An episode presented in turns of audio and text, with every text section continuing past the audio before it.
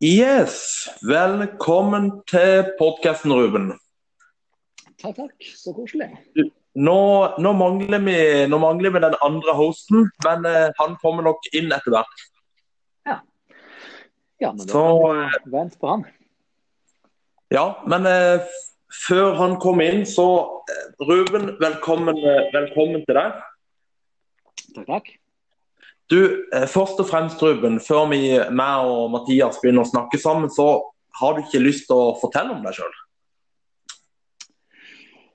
Jau, det kan jeg gjøre. Hvor lang tid har vi?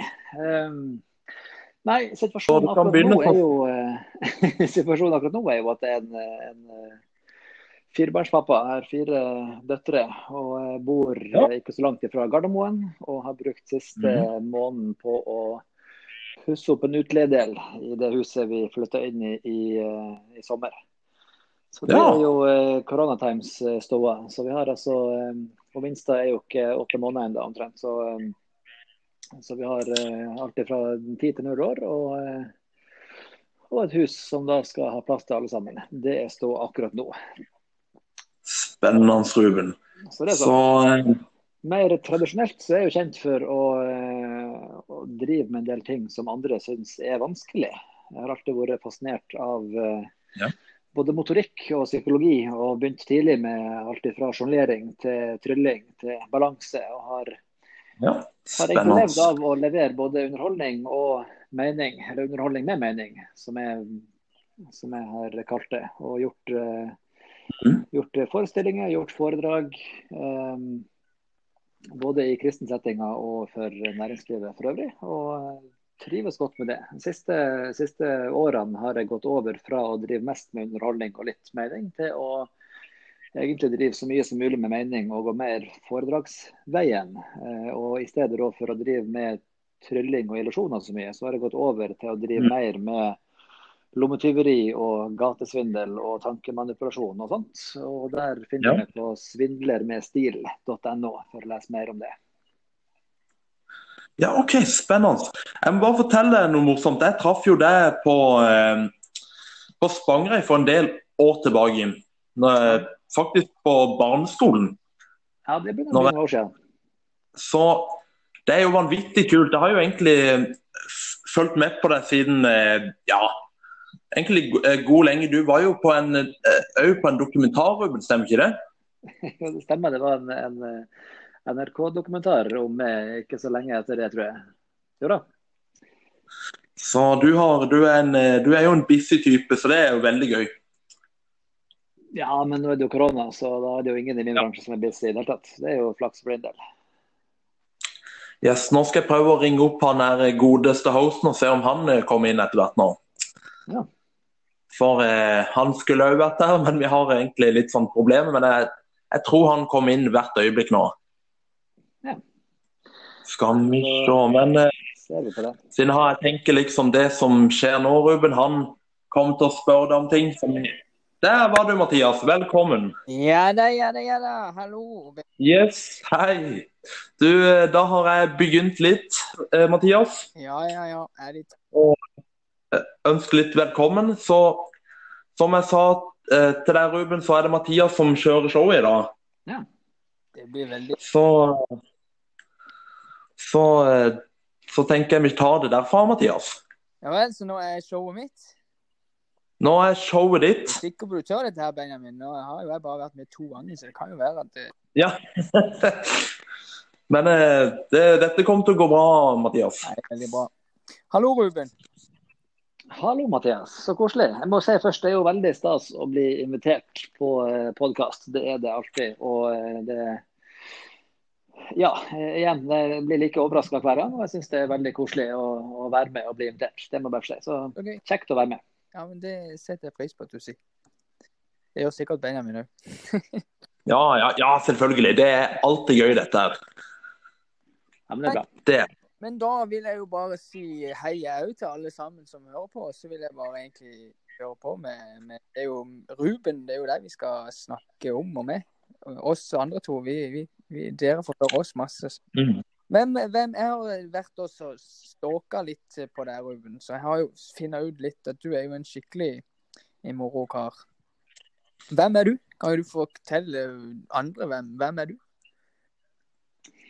Ja, nei, altså nå har jeg jo, Hvis du ikke har sett meg live, så har jeg jo vært veldig dårlig på PR. Så Det er jo ikke så mye spor etter meg verken på YouTube eller noe annet sted. Jeg har uh, fokusert uh, mye mer på å gjøre ting live enn på å være flink og, og filme eller på andre måter ja. uh, ta opp det jeg gjør. Men Nei, altså jeg har jo vært interessert i, i ting som, er, som jeg syns er spennende, men som, som, er visuelle og som det virker som andre syns er spennende òg. Så i, i, hele oppveksten så har jeg jo eh, ja, prøvd å gjøre ting vanskelig for meg sjøl. Og, og utfordra motorikk og utfordra utholdenhet og utfordra eh, min egen fysikk og min egen balanse og, og, litt sånt. Og så har jo det, så har det vært ting som etter hvert har blitt til et, et, levebrød. Og det er klart, For min del så var jo det eh, det var jo bare nysgjerrighet. Det var jo ting som jeg syntes mm. var artig. Eh, hvis en fyr kan sjonglere, så tenker jeg at da vil jeg òg lære å sjonglere. Og så gjør jeg det. Og så bruker jeg en tida det tar, og så lærer man seg å sjonglere. Og,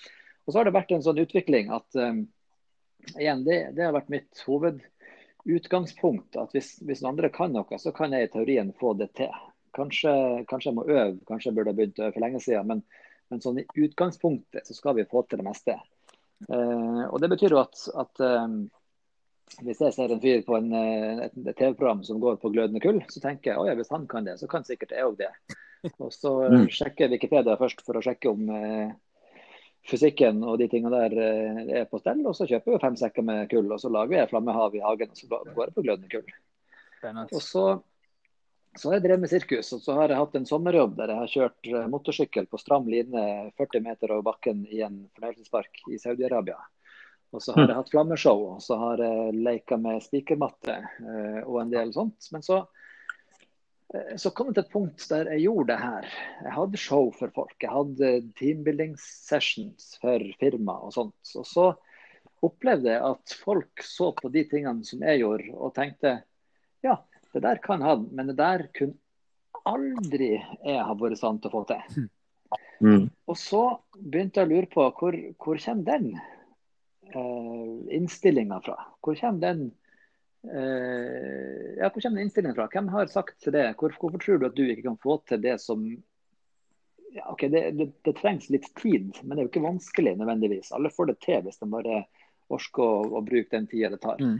Hvorfor skal du si til selv at det kunne aldri du ha fått til, når du ser at en helt vanlig fyr gjør det? Ja. Uh, og Da begynte jeg bli mer interessert i psykologien bak ting, og psykologien bak virkeligheten. Og hvordan vi bygger virkeligheten. Hvordan vi kan, uh, kan måtte bruke det vi vet om hjernen til å, å, få hjelp til å bygge en mer fornuftig og positiv og konstruktiv variant av virkeligheten. Hvordan vi kan unngå å grave oss sjøl ned.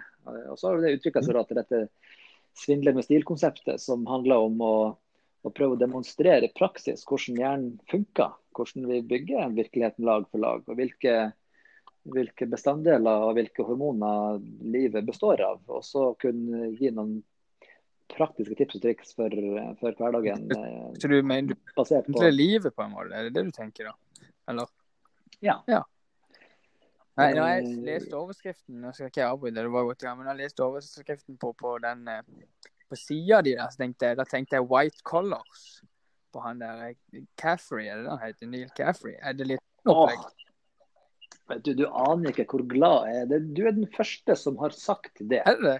Mm. Og, eh, og, og, og, den, men, men, det som er poenget, er at den hatten altså da, jeg, jeg begynte med hatt etter å ha sett Suits. Så, så når, når, Neil Caffrey går ned trappa første gangen etter å ha blitt, eh, etter å ha blitt tatt første episode og på en måte plassert i det her huset, eh, så kommer han ned trappa og så sier eh, FBI-fyren at du ser ut som en tegneseriefigur. Og så tar han det som kompliment tenkte sånn, sånn skal jeg se. Det er helt riktig. Og så kjøpte jeg den. Så nei, det er helt riktig. Mye av estetikken er jo basert på, på både en sånn 20-30-talls eh, klassisk three-piece suit og altså han Neil Caffrey spesifikt. Genialt. Ja, men det var jo Nei, men da må du bare fortsette. Du, du Men hvordan eh, eh du har, Jeg leste litt, og du, du så litt forskjellig i forhold, i forhold til oppveksten din og i forhold til til, til, hvordan endte du med å få denne interessen? Hva, er det noen sånne spesielle, spesifikke ting som gjør at det var dette du ville Du sa jo litt innledningsvis, men Har du noen spesiell historie fra, fra barndom, oppvekst? Ja. Mm. Nei, altså, eh, Oppveksten min er jo spesiell. Eh, egentlig i, i alle målestokker. Eh, mine foreldre bestemte seg tidlig for å bli misjonærer.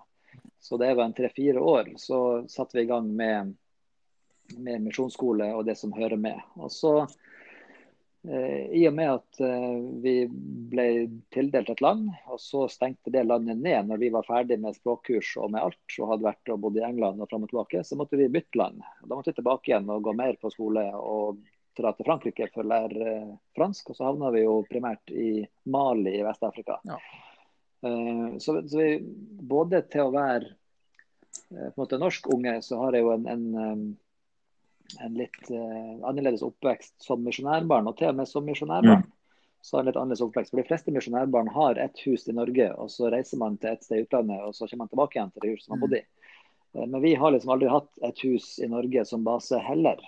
Og vi bytta som sagt land medium vei der, så vi, vi flytta mye før vi kom ut. Så da vi først kom ut, så bytta vi jo felt der ute også. Og Sånn sett så, så har jo jeg bytta kontinent minst annethvert år fra jeg var fire til jeg var 14. Mm. Um, med alt det det medfører av, av godt og vondt, egentlig. Det er jo spektakulært. Det er spennende. Det er, jeg, har, jeg har fått med meg en ballast som, som er verdifull i at jeg kan uh, ganske automatisk se ting fra flere sider. For jeg er vant til å vokse opp på flere plasser og i flere kulturer og sånt.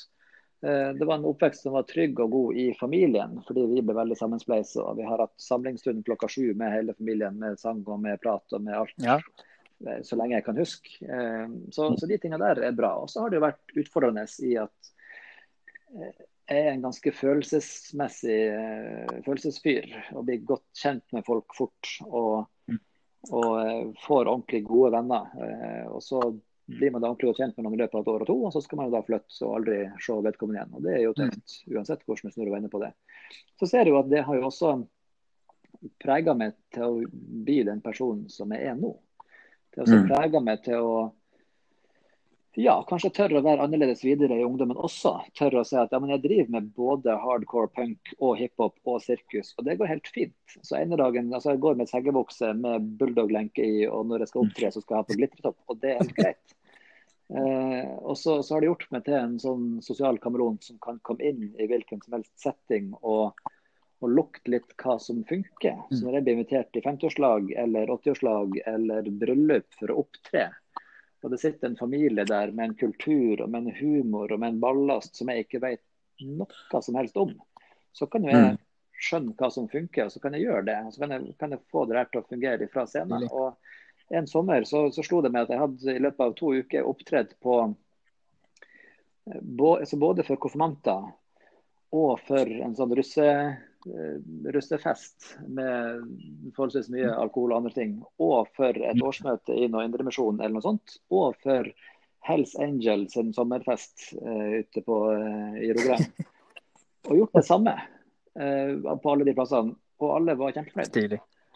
Eh, Så det er jo fordelen med det. eh, At man kan, eh, man kan, eh, man kan stå stødig. Man kan dreise reise mye uten at det er noe problem. Eh, Jeg kan, eh, jeg kan ha vennskap eh, som, som holder over mange år, også med stor distanse mellom oss Ja. osv. Så, så, så barndommen din og oppveksten din har da på en måte forma deg til å kunne lese visse settinger lettere? Er det det du tenker da? Ja, det tror jeg absolutt. Jeg tror jeg er veldig, eh, veldig eh, følsom for hva som er riktig å gjøre, hva som er kutyme, og hvor grensa går for humor, og, og hva som er riktig kroppsspråk for å fungere i en Så da sitter du altså faktisk nå og så gjør det? Ubevisst eller bevisst?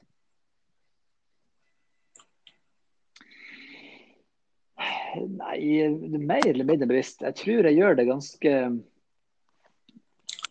Jeg tror jeg gjør det ganske bevisst ubevisst, hvis det går an å si. Eh, Nå når vi prater her, så er det klart at nå, nå føler jeg at jeg er litt på jobb. For det, jeg tipper at det er jobben min som har eh, ført oss sammen. Jeg vet at det er jobben min som har ført oss sammen. Eh, Mm. Samtidig så, så er det klart at eh, det er jo litt sånn, Man har jo, man, man har jo forska på alle de her som ser på et TV-show med med den typen uh, psykologi, og der man på en måte lærer seg noen sånne psykologipartytriks og tror man kan mye.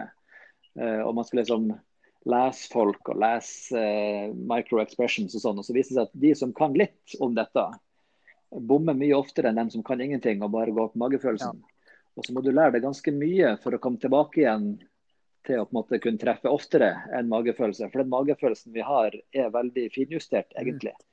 Sånn at så min, min, ehm, min, måte å gjøre det på er egentlig å stole på at dette kan jeg, og så slipper vi løs i det. Og ikke på forhånd prøve å gjette hva som er smart, eller hvilke ting jeg skal si, eller hvordan jeg må bevege meg for å fungere. Men, men bare på forhånd bare slippe meg løs og stole på at dette kan jeg. Og så går jeg inn og så gjør jeg ting på en måte som jeg kanskje ikke har gjort ja. før. Og så blir jeg overraska sjøl, men så funker det. Men det når du sier at du opptrer den samme forestillinga for veldig mange forskjellige typer grupper mennesker, planlegger du nesten ingenting på forhånd, eller tar du, eller, ja, tar du mye planlegging, eller bruker du litt bare sånn følelsen hver gang i forhold til hvem, om det er Hells Angels eller om det er barnekoret på, på Moi? Um, der igjen så, så, er, så er svaret litt det samme. Jeg har jo et repertoar. Uh, og det repertoaret er jo det jeg kan, og det er jeg trygg på. Uh, og man kan jo ikke gjøre noe annet enn det man kan. Men, uh, men, det er helt riktig som du sier. Andre artister kommer ofte med en kjøreplan mm. til en tekniker og ber om å spille den sangen der. Mens jeg kommer med en iPad med spilleliste og sier du må høre på hva jeg sier, og så må du spille det som jeg spør om underveis. Og Grunnen til det mm. er jo at uansett hvor lenge jeg skal holde på på den scenen, så har jeg iallfall et par timer for mye med meg i kofferten. Ja. Og så, mm. så, har jeg en, en, del ting som er fast. Jeg har noen ting som er fast i starten, for det funker. Og så har jeg fast avslutning. Men underveis så er det som du sier, da, da, da har jeg ikke helt bestemt hva som er rekkefølgen. Og så har jeg ikke helt bestemt hva som skal ta mer eller mindre tid. Og så har jeg ikke helt bestemt hva slags musikk som hører til hvilket nummer. For det tar jeg på gefühl. Mm. Og, og, og, flyter med publikum og, og ser er, er følsom på hva de trenger, hva slags stemning som er bra. Når det er gøy å ta det ned, og når det trengs å ta det opp igjen. Når det er for mye prat, og når det er interessant mm. å gå i dybden på et tema. Så, så det er helt riktig. Jeg, jeg har absolutt vent meg til å, å flyte veldig med. Og, og stole på at hvis jeg gjør research nok på forhånd, altså hvis jeg vet hvem det er jeg skal opptre for, jeg vet hva som er temaet, jeg vet hva de har bedt mm. meg om. Uh, og, og, har på en måte latt det marinere litt i bakhodet. Uh, mm. så, så, kan jeg der og da det, det, beste jeg kan gjøre, er egentlig å la det bli naturlig der og da. Ja. Uh, faktisk. Så på en måte så kan du se showet mitt tre ganger, eller foredraget, og så ser du at veldig mange elementer er innøvd og er ordrett det samme fra gang til gang. Og Samtidig så vil du også se at det tar veldig mye på, eh, på mm. sparket der og da, og, og ta respons fra publikum. Og at, at, rekkefølgen og den nøyaktige ordlyden ikke er den samme noensinne. Så det er eh, nå er jo dette en, en eh, kristen podkast, og jeg går litt ut ifra at du er kristen uten å ha spurt det spørsmålet, siden du på en måte har misjonærbarndom og, og, greier. Nå er jo jeg misjonærbarn òg, så jeg kan relatere litt, men jeg tror ikke jeg har vært mye ute i feltet. Sånn Vi var to år i Ukraina en tur og bodde eh, mm. Men eh, hva, hva, tar du med deg i forhold til hvordan eh, balanserer du kristendommen i jobben din? Det er et godt spørsmål. Um, det er et godt spørsmål. Når det gjelder, når det, gjelder det her med, med misjonærbarn og sånn, vi var seks år totalt mm. ute. Uh, tre pluss tre. Så det var jo en vanlig ordning da. Så kom jeg tilbake igjen og var konfirmant ja. hjemme. Uh, og når jeg kom tilbake igjen, så var det jo to ting jeg definitivt aldri skulle bli. Det ene var prest, og det andre var misjonær. Det var fullstendig utelukka. Og nå hm. reiser jeg i stor grad rundt og prater for 5000-8000 konfirmanter per år. Jeg har gjort det i 20 år. Så jeg kan definere det som man vil eller ikke. Men eh, nei, altså, det som skjedde, var at eh, altså, Foreldrene mine er jo kristne, og hele slekta mi er egentlig kristen. De, de sorteste fårene i min familie er kirkemusikerne og organistene. Eh, så man har jo en, en eh, konservativ, stødig oppvekst i statskirka. Når jeg var ungdom, så hadde jo da som mange andre ungdommer et behov for å finne ut av det her på mm. egen hånd. Så, så, det som jeg gjorde, var jo at om jeg ikke snudde ryggen til noe, så sa jeg iallfall at jeg har lyst til å sette det her litt i fri. Altså vil jeg sjekke hva andre sier om verden. For da hadde jeg bodd i en sånn kristenboble veldig lenge. Og det er klart, når man vokser opp som misjonærbarn, så er jo alle i hele verden kristne. Uh, fordi at det er bare dem man, tre man treffer. Um, mm. Så jeg leste like mye illustrert vitenskap som eh, andre religiøse skrifter fra andre religioner. Og, og, og måtte prøvd å, å, undersøke ordentlig hva er det folk flest generelt sier om verden.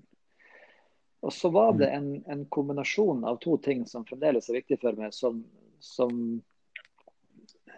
måtte ga meg tilbake trua på det, eller som, som eh, som gjorde trua solid igjen. Og Det ene var jo at det, det, skjedde noen ting innimellom som jeg ikke kunne forklare helt på en særlig annen måte enn at, eh, at det var Gud som, som mhm. virka.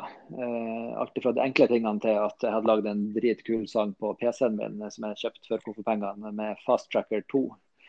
Og så hadde jeg laga en hm. kul låt, og så ble den borte en kveld men når jeg akkurat var ferdig. Og så fant han ikke noe sted på PC-en, og så ba jeg PC-en, og så var han tilbake igjen.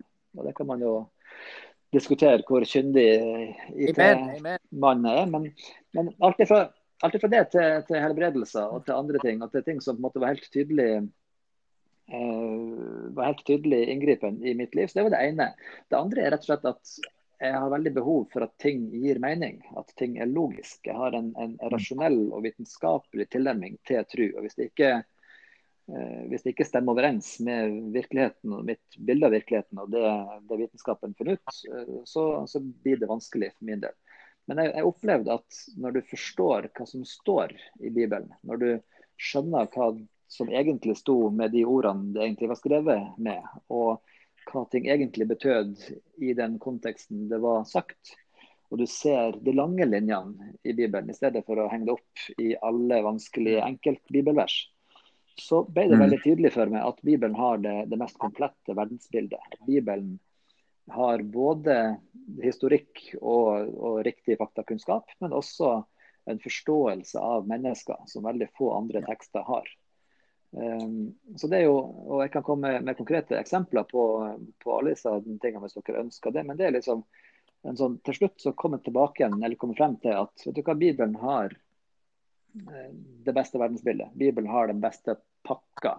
Så skal vi lære mye av andre også. Og så skal vi også forske på verden. og skal vi også finne ut hvordan hjernen funker. og Vi skal også finne ut hvordan verdensrommet har utvikla seg. Det skal vi selvfølgelig skal vi det, for det er jo en del av skaperverket. Men at Bibelen likevel har den autoriteten som man påstår at den er. Veldig spennende.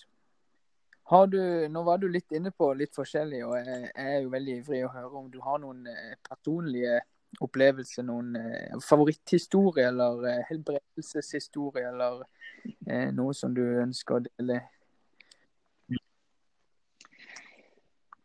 Jeg kan, jeg kan, dele to forskjellige ting som er litt sånn symptomatisk, føler jeg. For at uh, altså Man har jo vært på, på Tenno-Åsa. Man har jo opplevd uh, jeg har en tendens til å få bilder, man kan gi et bilde mm. som, som, betyr noe for folk. Men, men, to av de morsomste tingene som jeg har opplevd, det ene er én episode. Og det andre er spesielt fordi det har skjedd to ganger. Uh, med lang mellom. Det ene er rett og slett at, um, at jeg var med i Tensing, Lukas, Lukas Tensing mm. på Sotra utenfor Bergen. Uh, det var egentlig sånn jeg fant ut at jeg skulle være på en scene. Fordi at jeg kom til Norge fra utlandet og, og og syntes jo at sjonglering var festlig, men det var ikke noe sånn spesielt. Det var ikke noe, jeg har aldri hatt noen drøm om å stå på scene. Det har aldri vært planen. Jeg skulle bli lystekniker.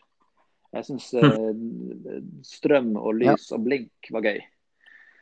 Eh, så på, på konfirmantleiren som vi var på, så var teknikerteamet fra Lukas Tensing der med lydanlegg og med miksepult, og det var jo kult. Så jeg skulle være med på, på, det, og da måtte jeg også være med i koret. Og I løpet av ungdomstida, i løpet av eh, 15 20 ish, så hadde jeg jo da vært innom både dansegruppa og dramagruppa og bandet og koret i koret. Og leda både dansegruppa og dramagruppa Og vært med og, og lagt opp turneer i Tyskland som vi reiste på annethvert år. Og på en måte fikk en veldig sånn brei praktisk erfaring fra scene. Og, og trivdes veldig godt. Og det, det viste seg at jeg gjorde det bra. Jeg hadde en Mm. Ja, jeg hadde en måte å løse ting på som, som fungerte.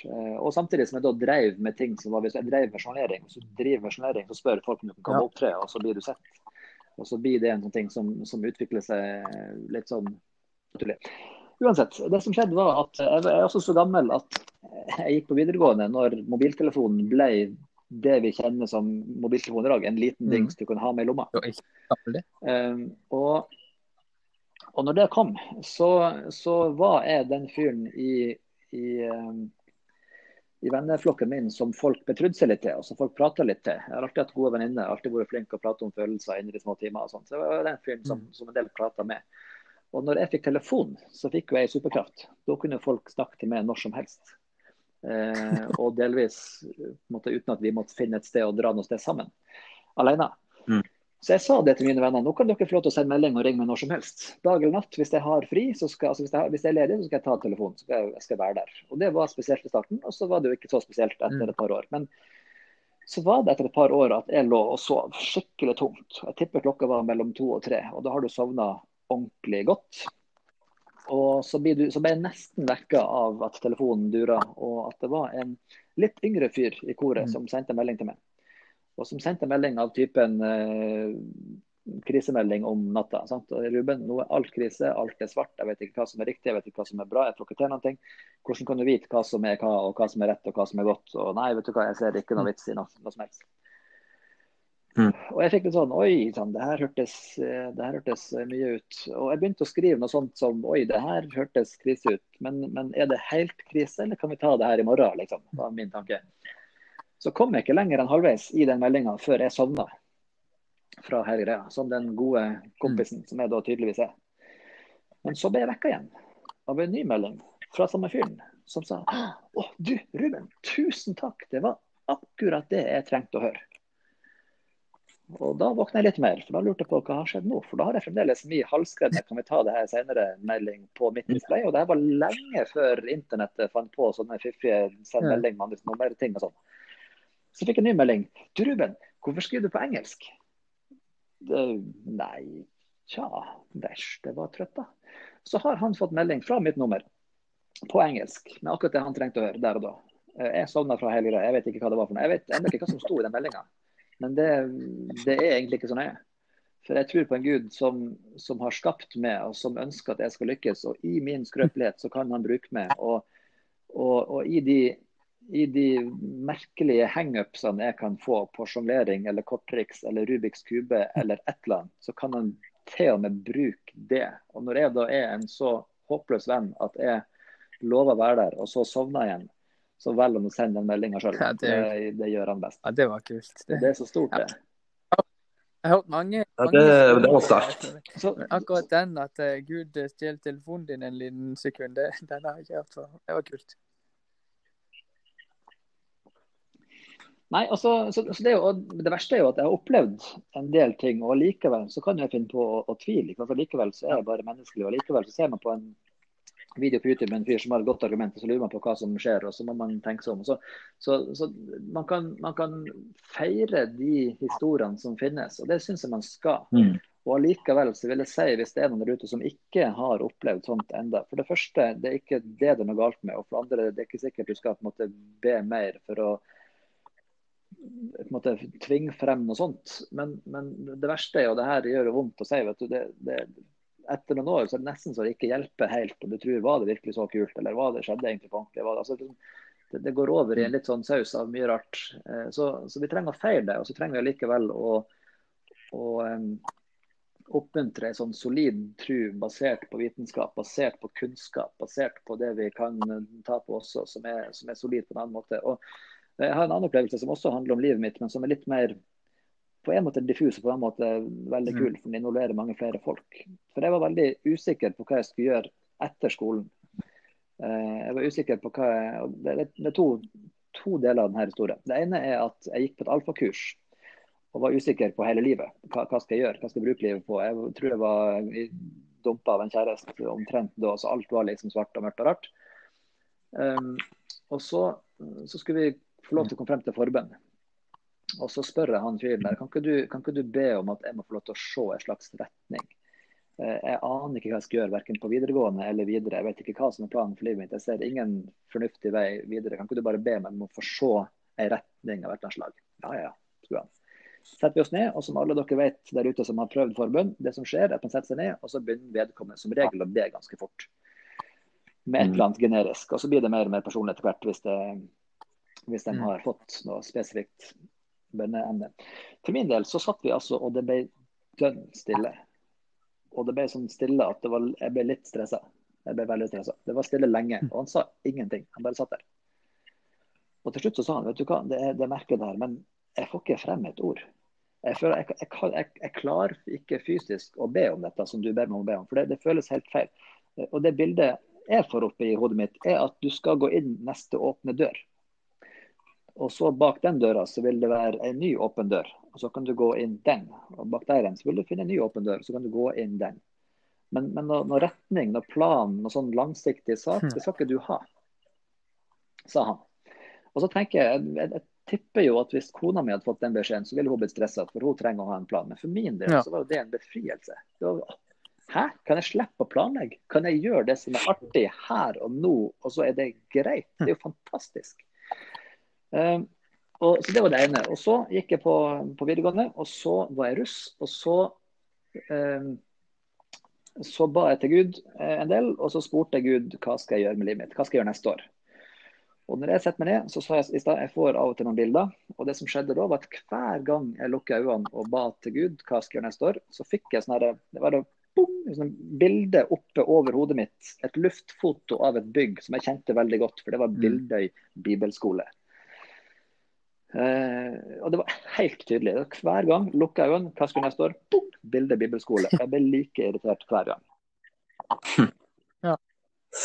Det er veldig kult Så betyr at uh, det bare fikk jeg, fikk en, en, telefon. Yes. Det var ikke meningen. Uh, jeg bodde på Sotra, så Bildøy var jo den skolen der Krik var. Altså Bildøy var jo rett ved ungdomsskolen. Det var ikke gøy å gå på Bildøy. Uh, og ikke hadde lyst til å gå på bibelskole heller, for så vidt. Mm. Uh, mamma derimot hadde søkt opp en folkehøyskole med sirkuslinje. Det ville jo jeg gå på. Det var jo kult. Ja. Uh, så jeg ba om dette, og så ignorerte jeg hele bønnesvaret. Og så søkte jeg meg inn på Fjordane folkehøgskole med sirkuslinje. Og så kom mm. jeg inn på Fjordane folkeskole med sirkuslinje. Og så fortalte folk at uh, jeg skulle gå på Fjordane folkeskole med sirkuslinje, og det syntes folk var kult, det. Mm. Og så endte jeg her opp med veldig dårlig samvittighet, eh, selvfølgelig, sommeren etter at jeg var vært. Og, og, jeg var på Tennåset, og på ene kvelden der, vitnekvelden, så, så tenkte jeg vet du hva, det her går ikke lenger. Jeg har jo, jeg har jo bedt over det her i ett år, og det er fullstendig tydelig hva jeg skal for noe. Og likevel så har jeg ikke hørt etter. Jeg, jeg kan, ikke, kan, ikke, ha det sånn. Så jeg, jeg, jeg fikk noen uh, som jeg kjenner til å, å be for meg, uh, og sa at nå skal jeg gå bort og be en gang til. Og uansett hva som skjer da, skal jeg gjøre det. Ja, OK, det var alle enige om. Gikk bort, satt med det for siste gang. Jeg vet, jeg kjenner jo alle som jobber der. Jeg kommer selvfølgelig inn der hvis jeg vil. Det er ikke noe problem. OK, mm. For siste gang, hva skal jeg gjøre neste år? Jeg lover å, jeg lover å gjøre det, nå når du sier fra.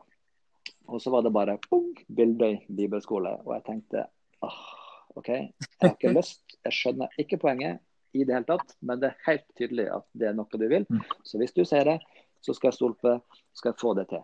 Og i det jeg hadde godtatt ordren, i det jeg hadde sagt ja, dette skal jeg gjøre, i det jeg hadde måtte, gitt neste år i Guds hender og sagt vet du hva, du styrer, dette blir sikkert fint, så feida det bildet over til et annet bilde av et annet luftfot av et annet bygg som også kjente veldig godt. For det var bildet på nettsida mm. til Fjordane folkeskole med sirkuslinje.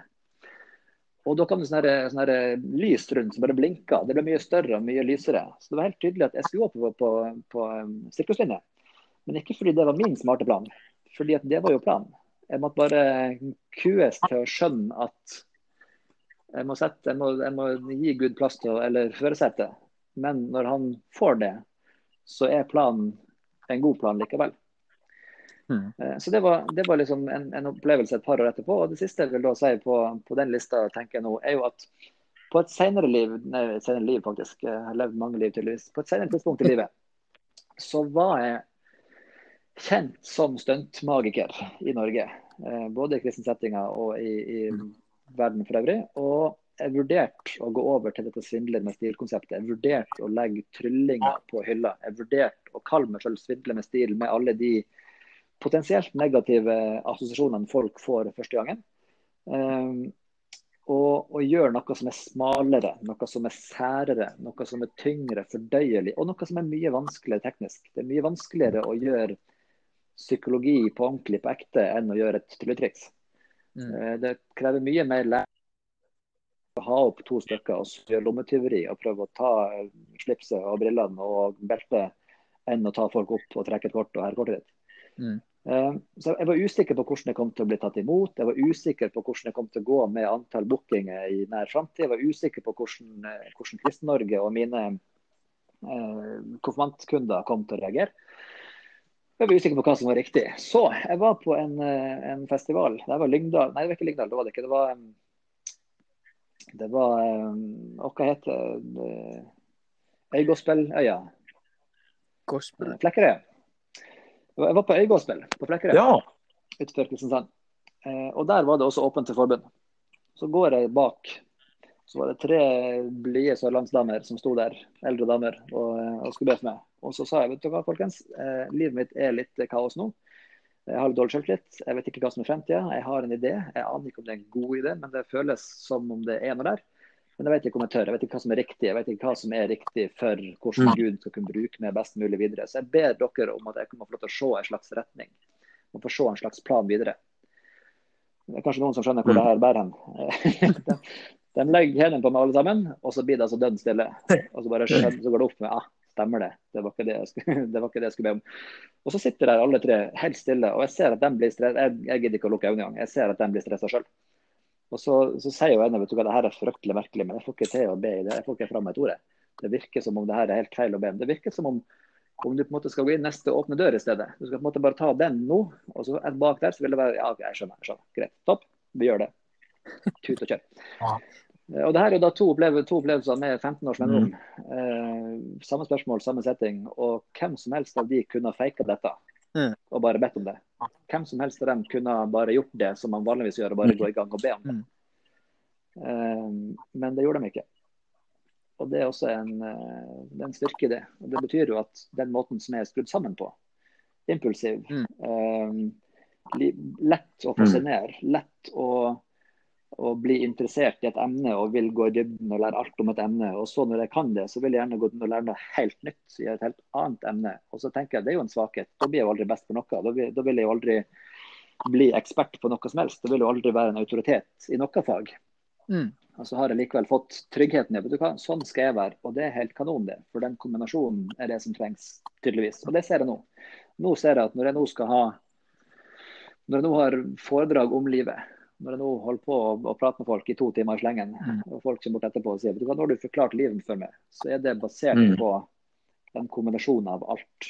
Det er, det, det er en, en, kombinasjon av det visuelle, det som jeg kan vise frem, den motorikken som jeg har, den respekten og autoriteten det gir, og den, den um, innsikten jeg da mm. har lært meg på mange ulike fronter ved å ikke studere bare én ting, men å, å være interessert i mange forskjellige temaer. Mm. Og så viste det seg til slutt at dette var visst selve livet, og så har det blitt en, en styrke, det å være allsidig. Utrolig spennende. Du, jeg vil også spørre deg om noe, for nå, har vi jo fått kartlagt litt hvem du er, og litt forskjellig. Og, og, men nå har du stabilisert eh, liksom, dette her med svindlerstil, og det har blitt en karriere, det er det du lever. sant? Og, hva er det kuleste eller det gøyeste du har gjort eh, de siste årene og, eh, i forbindelse med jobben din?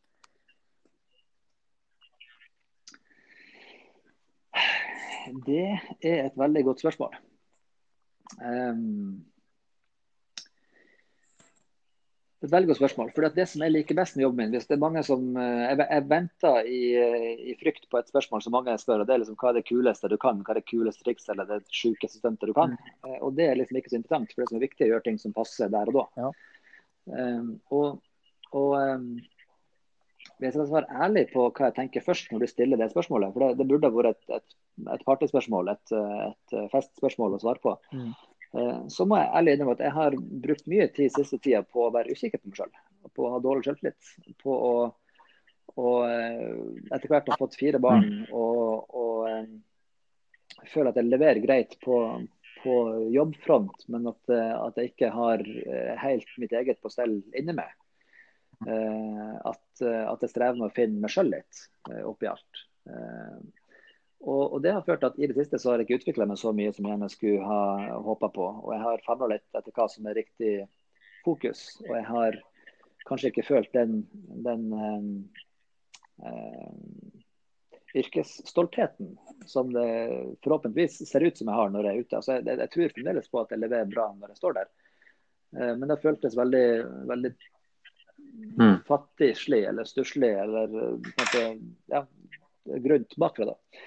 Eh, så det, det, er den ærlige saken. I det siste så har jeg fokusert på å være pappa. Jeg har fokusert på å, å holde ting ved like og, og, gjøre det som dukker opp, men det egentlig ikke være så veldig offensivt. Um, men det som har skjedd, uh, og det som, det som uh, og Jeg kan ikke trekke fram de siste par månedene heller enn trekke fram de siste uh, årene. Det er klart, Jeg har fått lov til masse. Jeg har fått lov til å være med på, på store festivaler. Jeg har fått lov til å være med i bryllup til folk. og Selv om det er kanskje ikke det mest spektulære man gjør, så er det likevel noe djupt tillitsfullt ved å invitere meg til bryllupet sitt. Jeg har vært i bryllupet til folk jeg ikke kjenner. Det er dem som ønsker å, å, å, hyre meg inn for å gjøre deres mest spesielle dag i hele livet enda mer spesiell. Og når de skal samle venner og familie, gi dem det beste de har, så skal de gi meg. Og det er så stort at det ikke er til å fatte uansett hva jeg prøver på. Eh, så der er jeg veldig ydmyk i, i møte med de situasjonene. Mm. Eh, og så har jeg fått lov til å og gjør mer og mer eh, mer og mer eh, ledertrening. Og, og gå mer og mer i dybden i det siste. Og Det som nok gir meg aller mest, det som, det som, eh, som rører meg og som gir meg klump i halsen, tårer i øynene, er de episodene med en og en ungdom som kommer og forteller meg at noe som jeg har gjort av galskap på den scenen, har betydd noe. Eh, jeg kom tilbake igjen til en plass der jeg har vært hvert år i 15 år. Eh, og de siste par årene har jeg hatt ledertrening i tillegg til festivalen. Så kom jeg tilbake igjen, og så var det ei mor og, og en av lederne der som, som, eh, som, ba om å få prate med etter showet. De sa vet du hva, det du sa i fjor, det var så viktig, det. Og det ga meg eh, det ga meg håpet og trua på meg sjøl til å fortsette litt til. Og hun hadde tegna ei tegning i en drøm som senere hadde blitt eh, viktig og virkelig for å basert på ting som jeg sa. Jeg, jeg, kan ikke fatte og begripe at det er mulig i det hele tatt. Um, jeg var, gjorde en jobb for ikke så lenge siden, og da var det en i salen som hadde sosial angst. Dette visste ikke jeg. bare gikk på scenen, og så sto det en fyr helt bakerst. Han torde ikke gå inn i rommet, han torde ikke gå inn i gangen før de andre var inne i rommet. Og Da torde han å nærme seg døra til lokalet. Jeg bare så det i øyekroken. Um, og etterpå så, så um, spurte hun som var med han om, om, han kunne få lov til å komme og bare si hei på bakrommet til meg alene. da. Ja, det var greit. Selvfølgelig var det det. Det var ikke noe problem. Og, og han hadde sett litt dårlig og han gikk litt tidlig, så om jeg kunne gjøre et triks, ja ja, så jeg så gjør et kort triks. og gjør det kuleste kortet jeg kan. Og han trekker kort og han holder kort, og kort dukker opp her og der og lommer fram og tilbake. Og, og sånn, og så, og så, går han, og så er det greit. Så føler jeg at jeg har bjuda på litt. Og Så kom hun ned etterpå hos mamma og sa vet du hva, han har ikke sett noen andre i øynene på lenge. Han, han, han tør ikke å se folk i øynene. Uh, han tør iallfall ikke å, ta på folk eller ta folk i hånda, men vi hadde shaka hands før han gikk. Uh, og da er det jo et eller annet med det som jeg gjør, et eller annet med det magiske i et kortrykt, og det absurde enkle og det er likevel fascinerende i det, som hadde åpna opp et eller annet. Uh, og igjen, jeg blir så fascinert over hvordan Gud kan bruke en sånn hangup som jeg har hatt. At min mor kunne stokke kort på en kul måte da jeg var liten, og så har jeg lært meg det. Og så har det blitt til en fascinasjon for en kombinasjon av fingerferdighet og psykologi som vi kaller for illusjon eller trylling eller magi, eller hva du kaller det for. Og så kan det så enkelt være, mm. altså brukt på rett sted, være det som trengs jeg fatter det ikke. og Det går ikke an å planlegge. og Det går ikke an å, for min del å oppsøke sånne situasjoner. og Det går ikke an for min del å, å, å, prøve å gjøre det oftere. Alt jeg kan gjøre, er å bare flyte med. Alt jeg kan gjøre, er å bare, å bare leve i det. Og gå igjen, gjennom neste dør. Eh, og, og ja, gjøre det som føles riktig. Eh, så, så, det tenker jeg de, det, det, det, er ikke sikkert det høres så spektakulært ut. sånn sett. Det er ikke de store TV-opptredenene og det er ikke de, det er ikke de store folkemassene. Men, eh, men, for min del så har det aldri vært det viktige. Som sagt, Jeg har aldri hatt en drøm om å stå på noen scene. Jeg har vært flink til det, og det har fungert. Det har latt meg få lov å prate med mange folk. Det er greit. Det har Gud kunnet brukt. Eh, men for mm. min del så har målet hele tida vært å kunne prate hver enkelt. Så jeg, jeg begynte jo med store illusjoner og drev og delte folk i biter og greier. og Det var det som var. Men så skjønte jeg etter hvert at det er jo ikke min stil i det hele tatt. Jeg skal jo, jeg skal jo være nedpå. Jeg skal jo snakke til folk. Jeg skal snakke med folk. Og Det er også litt av grunnen til at jeg er fornøyd med å gå vekk fra trylling og over til noe annet. Fordi at Hvis du har gjort et trylleshow, så kan du ikke snakke med folk etterpå. Da kommer folk etterpå og spør hvordan gjorde du det da? Og så er det nivået på samtalen. For jeg har en, en, en avgrunn mellom oss av de hemmelighetene som er vel å holde på. Mens når du har gjort ting som er ordentlig, som alle har skjønt, og som likevel er fascinerende, man har skjønt noe av hjernen, skjønt noe av virkeligheten, fått en liten nugget av hva er lykke egentlig, hvilke hormoner er hvilke hormoner består selvtillit eller respekt eller fellesskapsfølelse av, og hvordan trigges de, og hvordan funker du? Så ser du at vi har fryktelig sofistikerte verktøy for å forske på hjernen sånn som vi er. De siste fem-ti årene så har vi funnet masse fascinerende av hva som kjennetegner de som har det bra. Hva kjennetegner de som lykkes? Hva kjennetegner de som opplever at de, de, de, har det greit, de lærer fort, de klatrer på karrierestigen, de har det fint hjemme, de har mest og best sex, de har de lykkeligste barna, de har de lengste forholdene, de har, eh, de har ting på stell. da. De står stødig. De er minst syke og lever lengst osv. Og, og så viser det seg da at alt det vi har forska på, det står jo i Bibelen. Ned til helt kjempemerkelige detaljer så står alle de levereglene, alle de verdiene, alle de måtene å oppføre seg på mot andre, alle de måtene å oppføre seg på mot seg sjøl. Alle de tingene står allerede i Bibelen. Og Det er de gamle, gode verdiene som, som gjelder, som teller. Det er det som er oppskrifta på et godt liv. Hvis vi får for mange valgmuligheter, så blir vi apatiske og vi, vi blir misfornøyde uansett hva vi velger. Og Vi tror at frihet er så bra. Vi tror at valgfrihet er så bra og mer frihet er bedre, men det stemmer ikke. Mindre frihet føles bedre. En, en regelverk føles bedre. Og kreativitet og innovasjon og, og, og, lykke funker best innenfor et rammeverk. Og så har Bibelen forslag til rammeverk. Og så har Bibelen alle hemmelighetene nedskrevet for lenge siden. Lenge før vi kunne feste eller tro det noe sted og, og sjekke ting. Men det stemmer. Og så tenker jeg Det er jo det, det mm. mest spektakulære å, å, få lov til å dele. og Derfor så, så, gjør jeg foredrag i næringslivet for øvrig, og så gjør jeg foredrag for konfirmanter og for ledere og, og, og for så vidt også ansatte i kirka. Eh, og så er målet mitt å prøve å, å, å, trekke de der linjene mellom det folk flest oppfatter som virkeligheten og som faktabasert eh, vitenskapskunnskap og Bibelen. For det er det samme som står i praksis.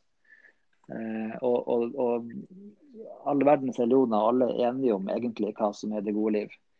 Men så mener jeg da at Bibelen har et helt annet si, du skal begynne å forske på hvilke litterære skrifter som holder vann, så er det Bibelen som kommer best ut. By far. Eh, da raser ganske mange andre fine historier sammen ganske fort. Eh, mens Bibelen tåler det søkelyset. Og det er forskjellen.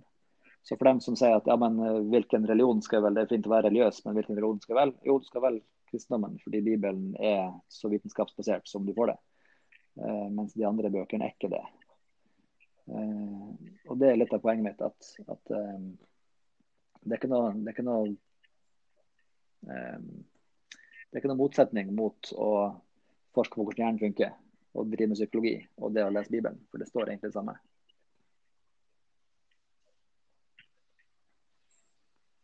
Wow. Tusen eh, takk, eh, Ruben. Ja. Jo, for, for det du delte? Det er veldig koselig. Jeg, vet, jeg, jeg husker ikke om jeg svarte på spørsmålet, men jeg har i hvert fall prata mye.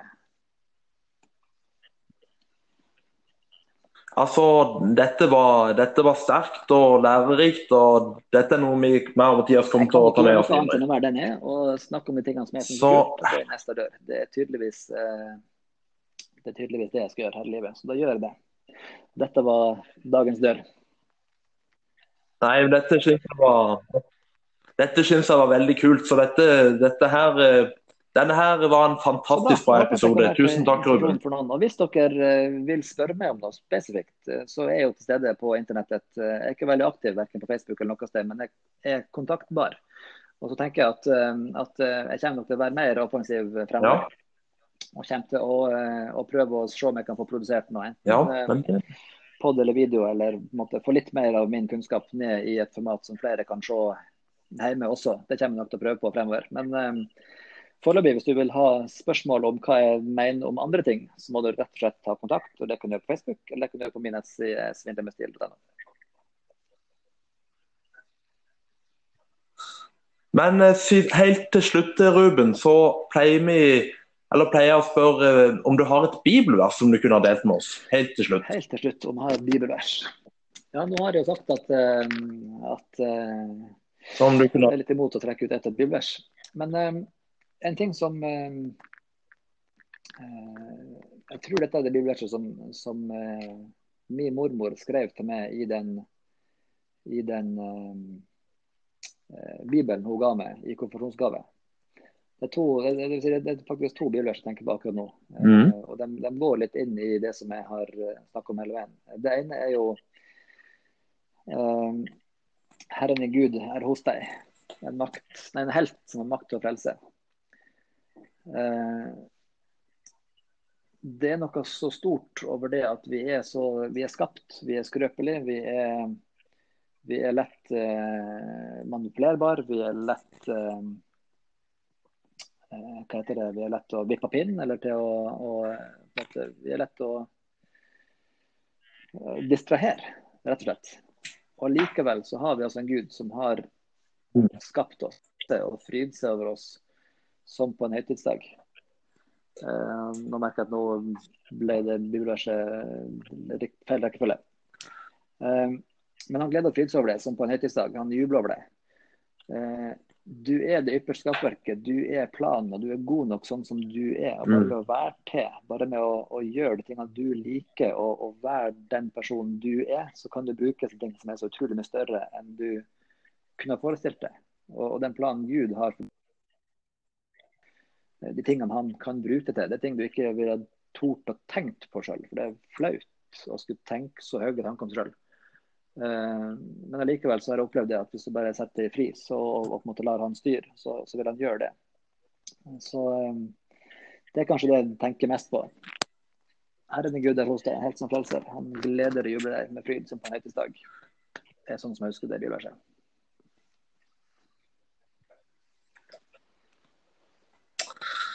Yes, Tusen takk, Ruben. Og så Nå avslutter vi podkasten her.